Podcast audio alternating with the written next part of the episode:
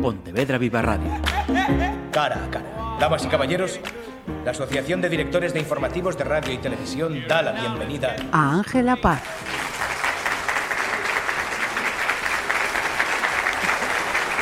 Buenos días, muchas gracias. Gracias a ti por el regalazo que nos has hecho, porque mm, comenzamos ahora la charla delante del, micro, pero lo que nos acaba de, explicar, lo que acabamos de, ver, vamos a tratar de mm, poder reflejarlo, porque la llamamos para hablar de una afición que, a mí me llamó la atención y es es mucho más que colección de miniaturas, muchísimo más, ¿no? Eso solamente es una parte. Además, ella dice, eh, tienen que ser miniaturas de 15 milímetros, que yo os voy a pedir un, pequeño ejercicio. Cogéis eh, un metro y veis lo que son 15 milímetros. Y primero de todo, Ángela, que llevo aquí yo hablando y todavía no, te, no te deja hablar. Cuéntame ¿Cómo empiezas tú con esto? Porque la anécdota es deliciosa. Ah, bueno, en aquel momento no te haría tanta gracia, pero mira tú. Bueno, yo lo que pasa es que siempre fui una persona muy inquieta y muy, muy traste. Entonces, en el colegio de la Neja eh, había un cuarto al final de todo que le llamaban el cuarto de los ratones, el cuarto oscuro, y si hacías tastadas, allá ibas. Si no llevas el mandilón bien puesto, allá ibas.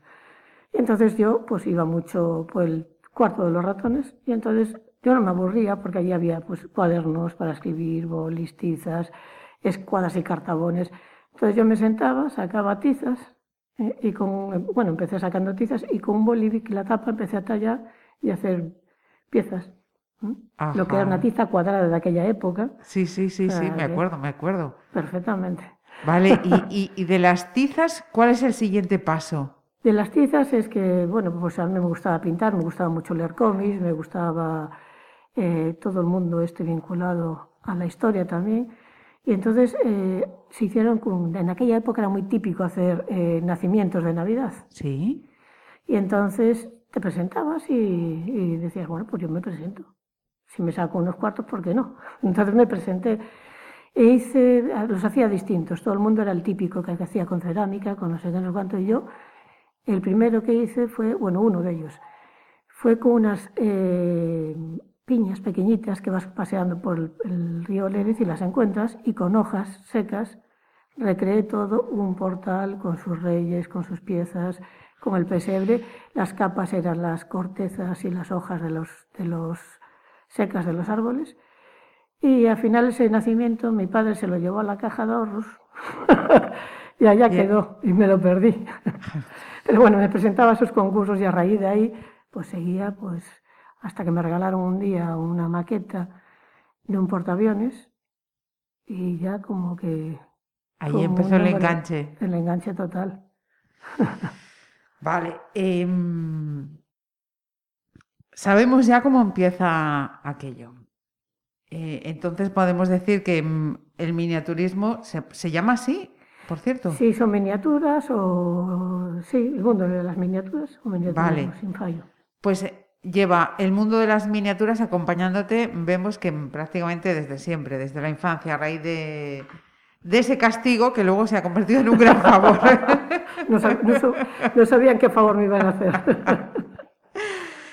y cuando ha llegado Ángela, nos ha venido cargada y de repente ha abierto una bolsa con una pieza muy especial que con tu permiso voy a reservar para el final. Sí, fallo eh, con unas cajas con esas piezas de 15 milímetros, con solamente una infimísima parte del material con el que trabajas y con unos cuadernos que de verdad tendría que ver en la Facultad de Bellas Artes. Y no estoy haciéndole la pelota. Lo primero te he dicho, Ángela, tienes una letra alucinante. Dicen que la letra habla mucho de la persona. Y mucho de razón lleva por los otros motivos que por los que hemos hablado contigo y, por ese premio Ciudad de, Pontevedra.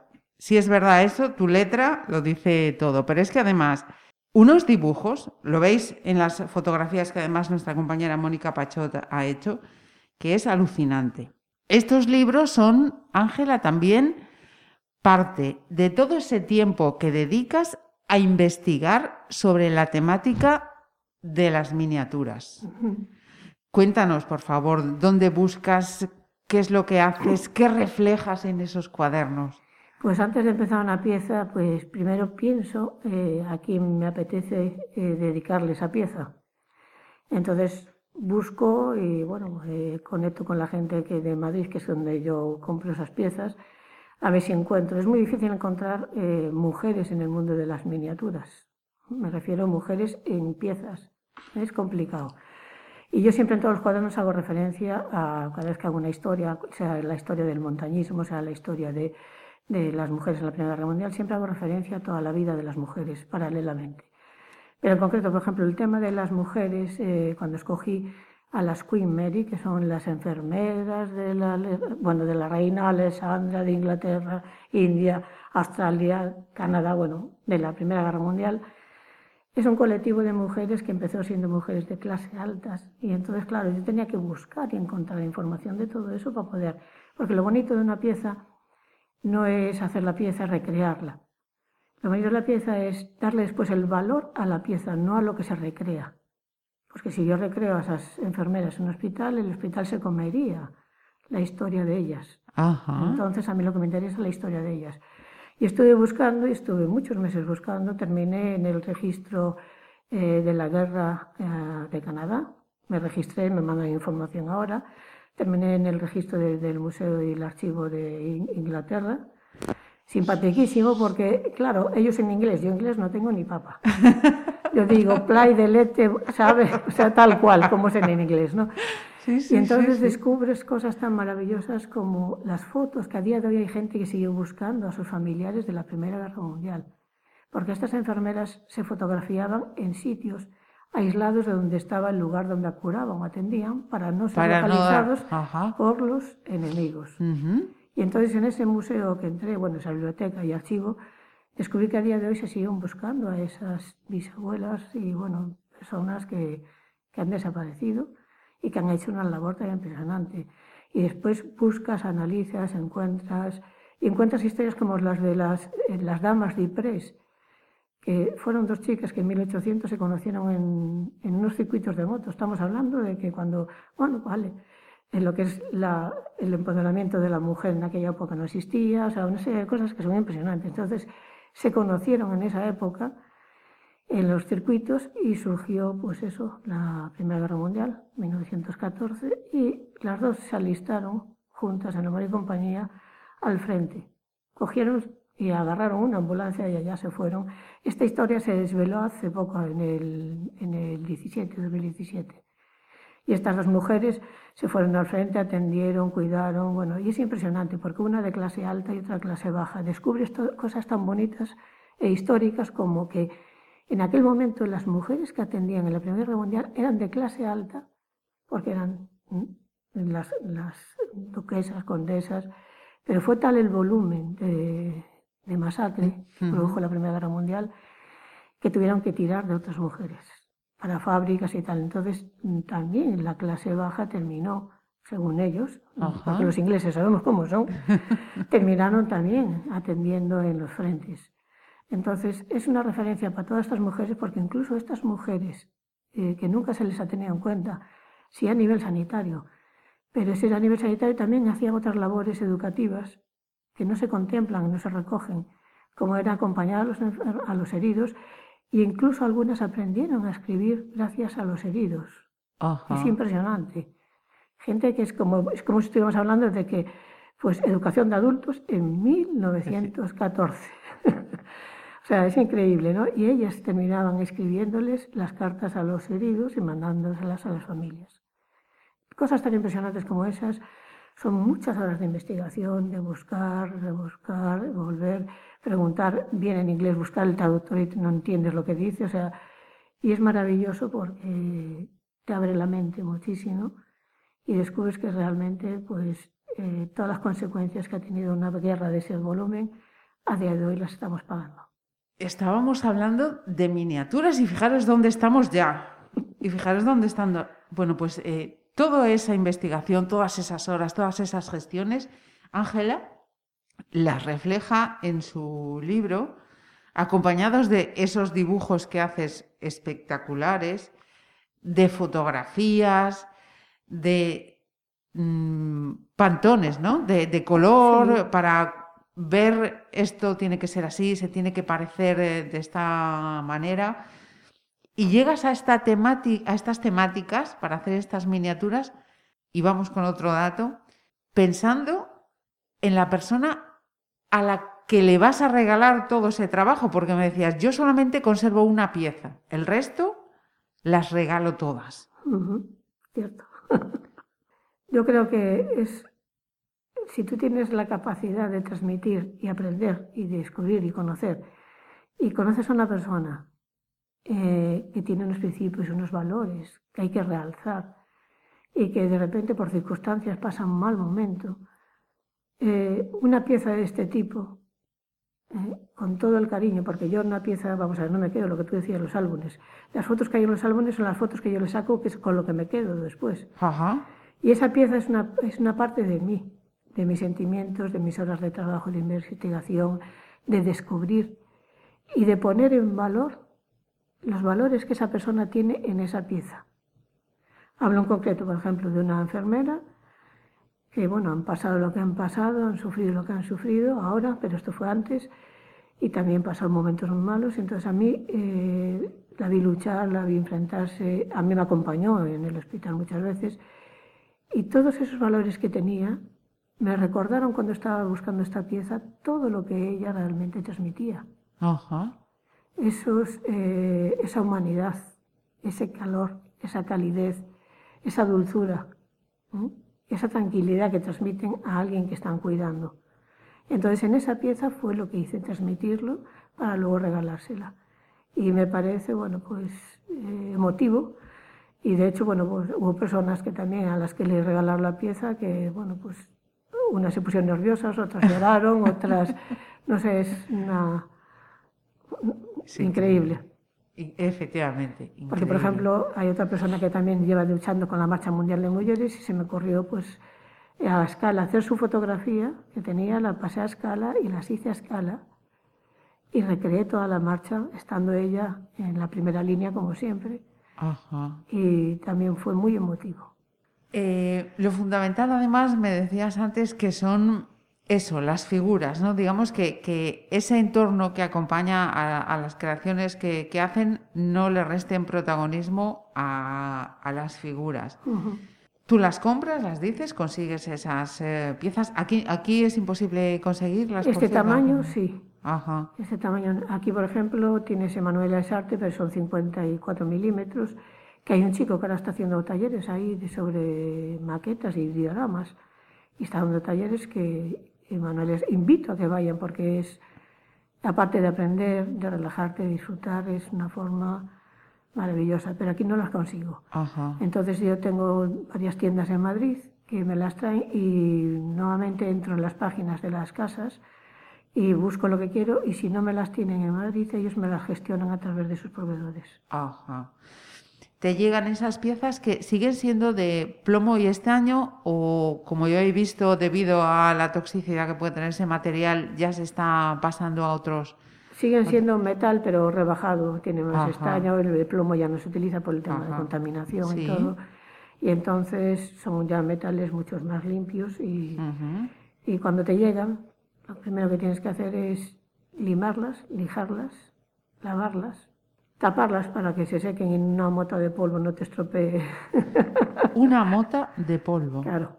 Después de ese lijado proceso, que eso lo hago muchas veces, me voy al hospital, las meto en un bote, me llevo mis limas de diamante y todo el dinero, las voy lijando llenitas, espero. ¿eh? Y entonces con todo cuidadito, después ya tendrás que trabajar con una breve para quitar impurezas, ¿no? Pero tienes que quitar todas las impurezas de la unión de esas piezas. Una vez hecho esa parte, eh, las dejas secar y le das una imprimación, bien con un spray o bien con un pincel. Y tienes que volverlas a tapar, porque claro, esa simple mota de polvo te hace la puñeta, que a mí me la hizo una pieza, justo en un soldado de la Segunda Guerra Mundial disparando, en el punto del mira, ahí le fue a caer la mota. la mota de polvo. Me refiero, entonces claro, una vez secas, ¿eh? eh, ya imprimadas, tienes que empezar a pintarlas. Cada vez que pintas tienes que volverlas a tapar porque, claro, el polvo pirula, lo quitas de un sitio y va a otro. y luego compones la escena.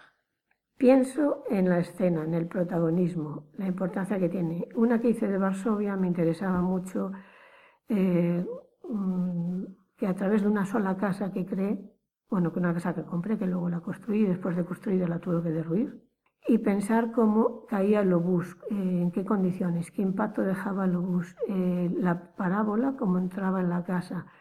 Y es una recreación de una zona de Varsovia, una casa de Varsovia, destruida al 70%, y en la parte de atrás he colocado los fusilamientos y la invasión de los alemanes, porque realmente Varsovia fue destruida en un 80 y pico por ciento, no quedó nada. Y quería que realmente muy limpia, con la carretera donde se viese eso, la destrucción de una ciudad. Y entonces, la destrucción de una ciudad a través de, de unos soldados del ejército alemán y la destrucción de la humanidad en un paredón de fusilamiento. A ti anímicamente, eh, sobre todo ese proceso de investigación, de ver todo esto, mm, ¿cómo, cómo lo llevas?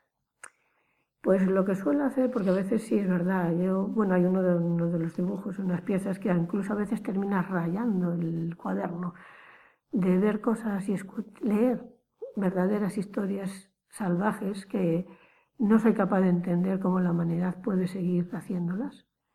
Y esto es de atrás. Viene, no sé, debemos tener un instinto ahí eh, animal, salvaje, que sale y que fluye con una agilidad para el maltrato de todo, porque claro, ahora la penúltima pieza que hice, que fue eh, milicianas, eh, milicianas en Galicia, yo hablaba con, con, una persona y me decía, no, solamente hay estas mujeres, tal, digo, pues no hay más. Y al final, bueno, pues hubo gente del, del, que también está en la marcha, en, bueno, la Asociación de Mujeres, me dijo, mándame la información que conseguiste, y esto no sé qué, no canto, porque tardé y tengo mucha documentación.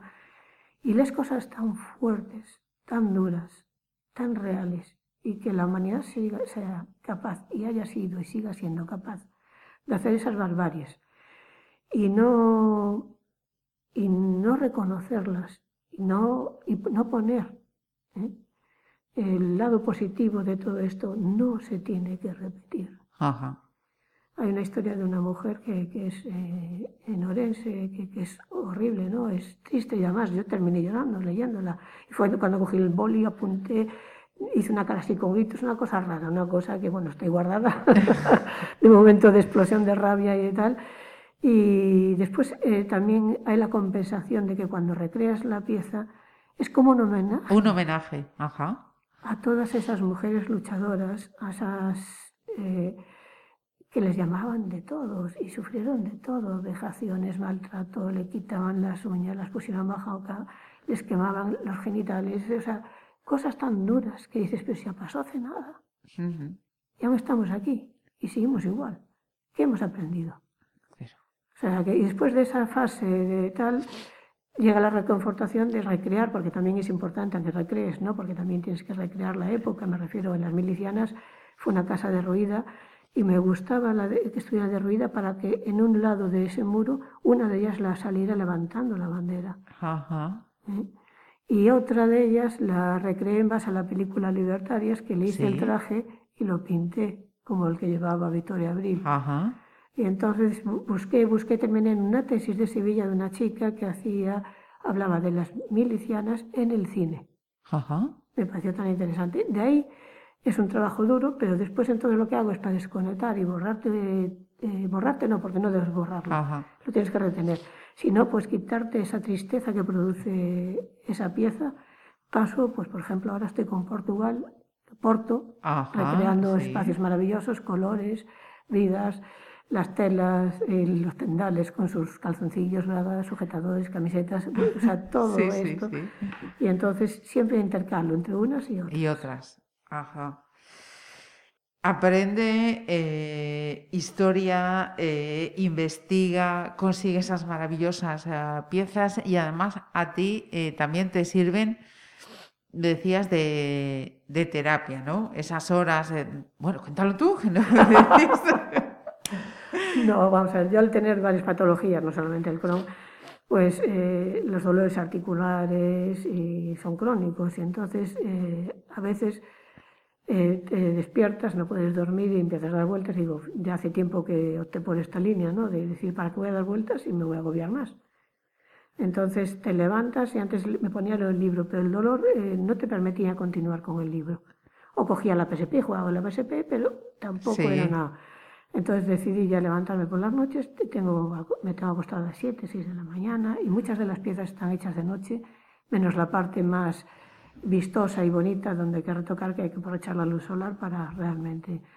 Y entonces aprovecho porque en ese momento si tú tienes un dolor crónico, aprovechas para lijar, limar, eh, aprovechas para hacer pruebas de colores, eh, bueno, perdido piezas porque algún momento te has cabreado y te ha, dado una sacudida y dices, mierda, y entonces, bueno, y perder una pieza de esa, bueno, después encontrarla es complicado. Pero me refiero que también eh, a nivel terapéutico es una técnica que se debía, se podía utilizar, porque eh, el tema de concentrarte en algo y leerlo, buscar, investigar, en esos momentos que tienes dolor, te ayuda a evadirte. Y si encima eh, eres capaz de conseguir, si te vas a poner a pintar, no minuciosamente, sino a lo que es lo, gordo, no hace falta el detallismo, te ayuda a respirar, porque necesitas aguantar mucho la respiración para que el pulso no te tiemble y te ayuda a relajarte. Entonces, yo invito a que alguien lo haga. Aguantar la respiración para que el pulso no te tiemble. Claro. Estamos hablando de 15 milímetros. Claro, y un ojo en 15 milímetros, o un bigote, o unas chorreteras colocadas en los, los o los galones, o las faldas, o claro. Luego me decías que además eh, sellas y lacras sí. con un papel que me ha parecido también otro detalle buenísimo. Sí, hay una papelería en Madrid que se dedica a traer papeles de todo el mundo, es única, donde hay papeles desde China, Japón, con las técnicas antiguas, que incluso personas compran sus propios eh, papeles para decorar las casas. Son papeles de seda, papeles preciosos, que incluso algunos los arrugas, los vuelves a estirar y dices, Dios, ¿esto qué es? Y esos papeles ahí trabajan todavía, siguen manteniendo la técnica de los papeles que le hacían a Goya con el mismo árbol, con la misma técnica, el mismo procedimiento. Los compro, me los traigo y yo cuando voy a hacer una pieza, pues te voy a regalar a ti, Marisa, una pieza y te pongo, bueno, Marisa, te explico, te explico en ese pequeño cuartilla, escrita pluma porque me gusta mucho la pluma, te pongo pues las piezas de donde las compré, las conseguí, de qué son, si son de plomo, si son de, de plástico, las masas que utilicé, las, todo el total de número de horas invertidas, investigación y después una dedicatoria de por qué esa pieza. Y luego la lavo y la sello. Brutal. Vamos ahora entonces con dos, me has dicho que conservas, ¿no? Solo dos, sí. Solo dos. Nos ha traído una de ellas, que es la que podéis ver en las imágenes de, de Mónica Pachot, que están directamente relacionadas con Pontevedra, con la Semana Santa y con la familia de Ángela. Sí. Estamos hablando del el paso de la cofradía mm, de la Veracruz, tenía aquí señalado. de Jesús con la cruz a cuestas. Ah, perdón. Cofradía de Jesús con la... Mira, ¿ves? Pues lo había no, anotado más. Cofradía de Jesús con la cruz a cuestas. Sí. Con los dos pasos. Que con los pasos que sacan el jueves y el Viernes Santo. Bien. El de Cristo con la cruz a cuestas y el Cristo yacente. El Cristo yacente. Vale, pues vamos a aprender otra lección de historia más y muy cercana, porque Ángela, haciendo esa pieza, descubrió unas cuestiones personales y otras que son importantes mm, pues para el patrimonio que tenemos en la ciudad, ¿no? Pues Cuéntanos, por favor. No, hombre, Semana Santa mi madre siempre va en Semana Santa, nosotros la acompañamos y siempre eh, hablaba y habla, es que tu padre estaba en esta cofradía, en esta cofradía, y, como homenaje a ella, pues decidí hacerle un, paso, que son los que más le gusta, que son el Cristo yacente y Jesús con la cruz a cuestas. Lo que pasa, claro, me fui a Semana Santa, estuve sacando fotos, me, metí, bueno, al principio iba a hacer todas las cofradías y al final dije, no, que esto es una locura, no me dan las horas ni, los días. Entonces me centré ya en ella directamente. Entonces eh, busqué, me metí en Semana Santa, iba con ellos, veía, salía, empecé a investigar entre, en sus webs, busqué y descubrí que, bueno, primero los colores, por qué se llevan, por qué llevan los capuchones, por qué llevan esos trajes, porque llevan el abotonado, porque llevan el, cinturón, en referencia a, bueno, a un de cosas tan increíbles como que cuando salen no pueden llevar ni sus anillos. O sea, tienen que ser personas que realmente están eh, expresando una pasión y una situación. Entonces ellos no son los protagonistas tampoco. Y descubres eso, pues cosas tan simpáticas y cosas frases tan simpáticas como la procesión va por dentro. Y viene de ahí, de que cuando en Semana Santa se llovía, la procesión la hacían dentro. O sea, por los cablos de Cristo. hay un montón de expresiones vinculadas a la Semana Santa, ¿no? Pero bueno, yo seguí investigando y descubrí que al final, en esa cofradía, mi abuelo había sido uno de los veintitantos fundadores. Y me quedé así y dije, wow, ¿y esto? Entonces te, quedas impactada. Y después eh, me encantó porque tuve que, aquí sí que tuve que trabajar y moldear yo a escala, con unos cinceles, unas burillas, todo lo que es el Cristo yacente, su trono y el Jesús con la cruz a cuesta, porque eso no lo hay. Son piezas de aquí. Entonces, cuando tallé eh, Jesús con la cruz, eh, le digo Jesús yacente, descubrí que era una pieza de 1915 impresionante. Y descubrí que el escultor eh, lo que quería era que el Cristo no tuviera la expresión esta machacado con sangre y tal, sino al revés, el costado muy limpio y la expresión del rostro, de la cara abriendo la boca y marchándose su vida atrás de ella.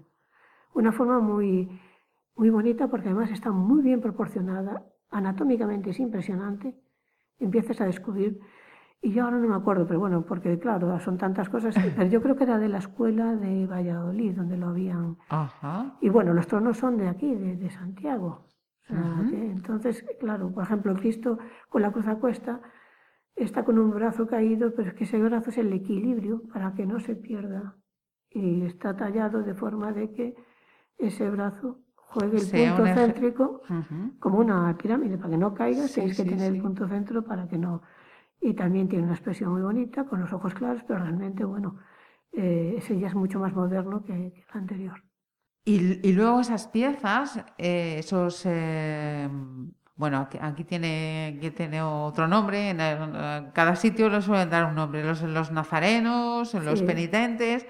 También has tenido que trabajarlos tú porque lógicamente no, no son tan, tan específicos, o sea que también has tenido que echar todavía más mano de tu habilidad en este caso. Los nazarenos, esta, esta colección en concreto son de, de, estaño, las hacen para las Semanas Santas de Andalucía, que hay mucha gente que sí los tiene, pero vienen sin capa. Ajá. Tuve que hacerle a todas las capas. Tuve que hacerle todo lo que es el farolillo. Algunos farolillos son agujas de reloj. claro.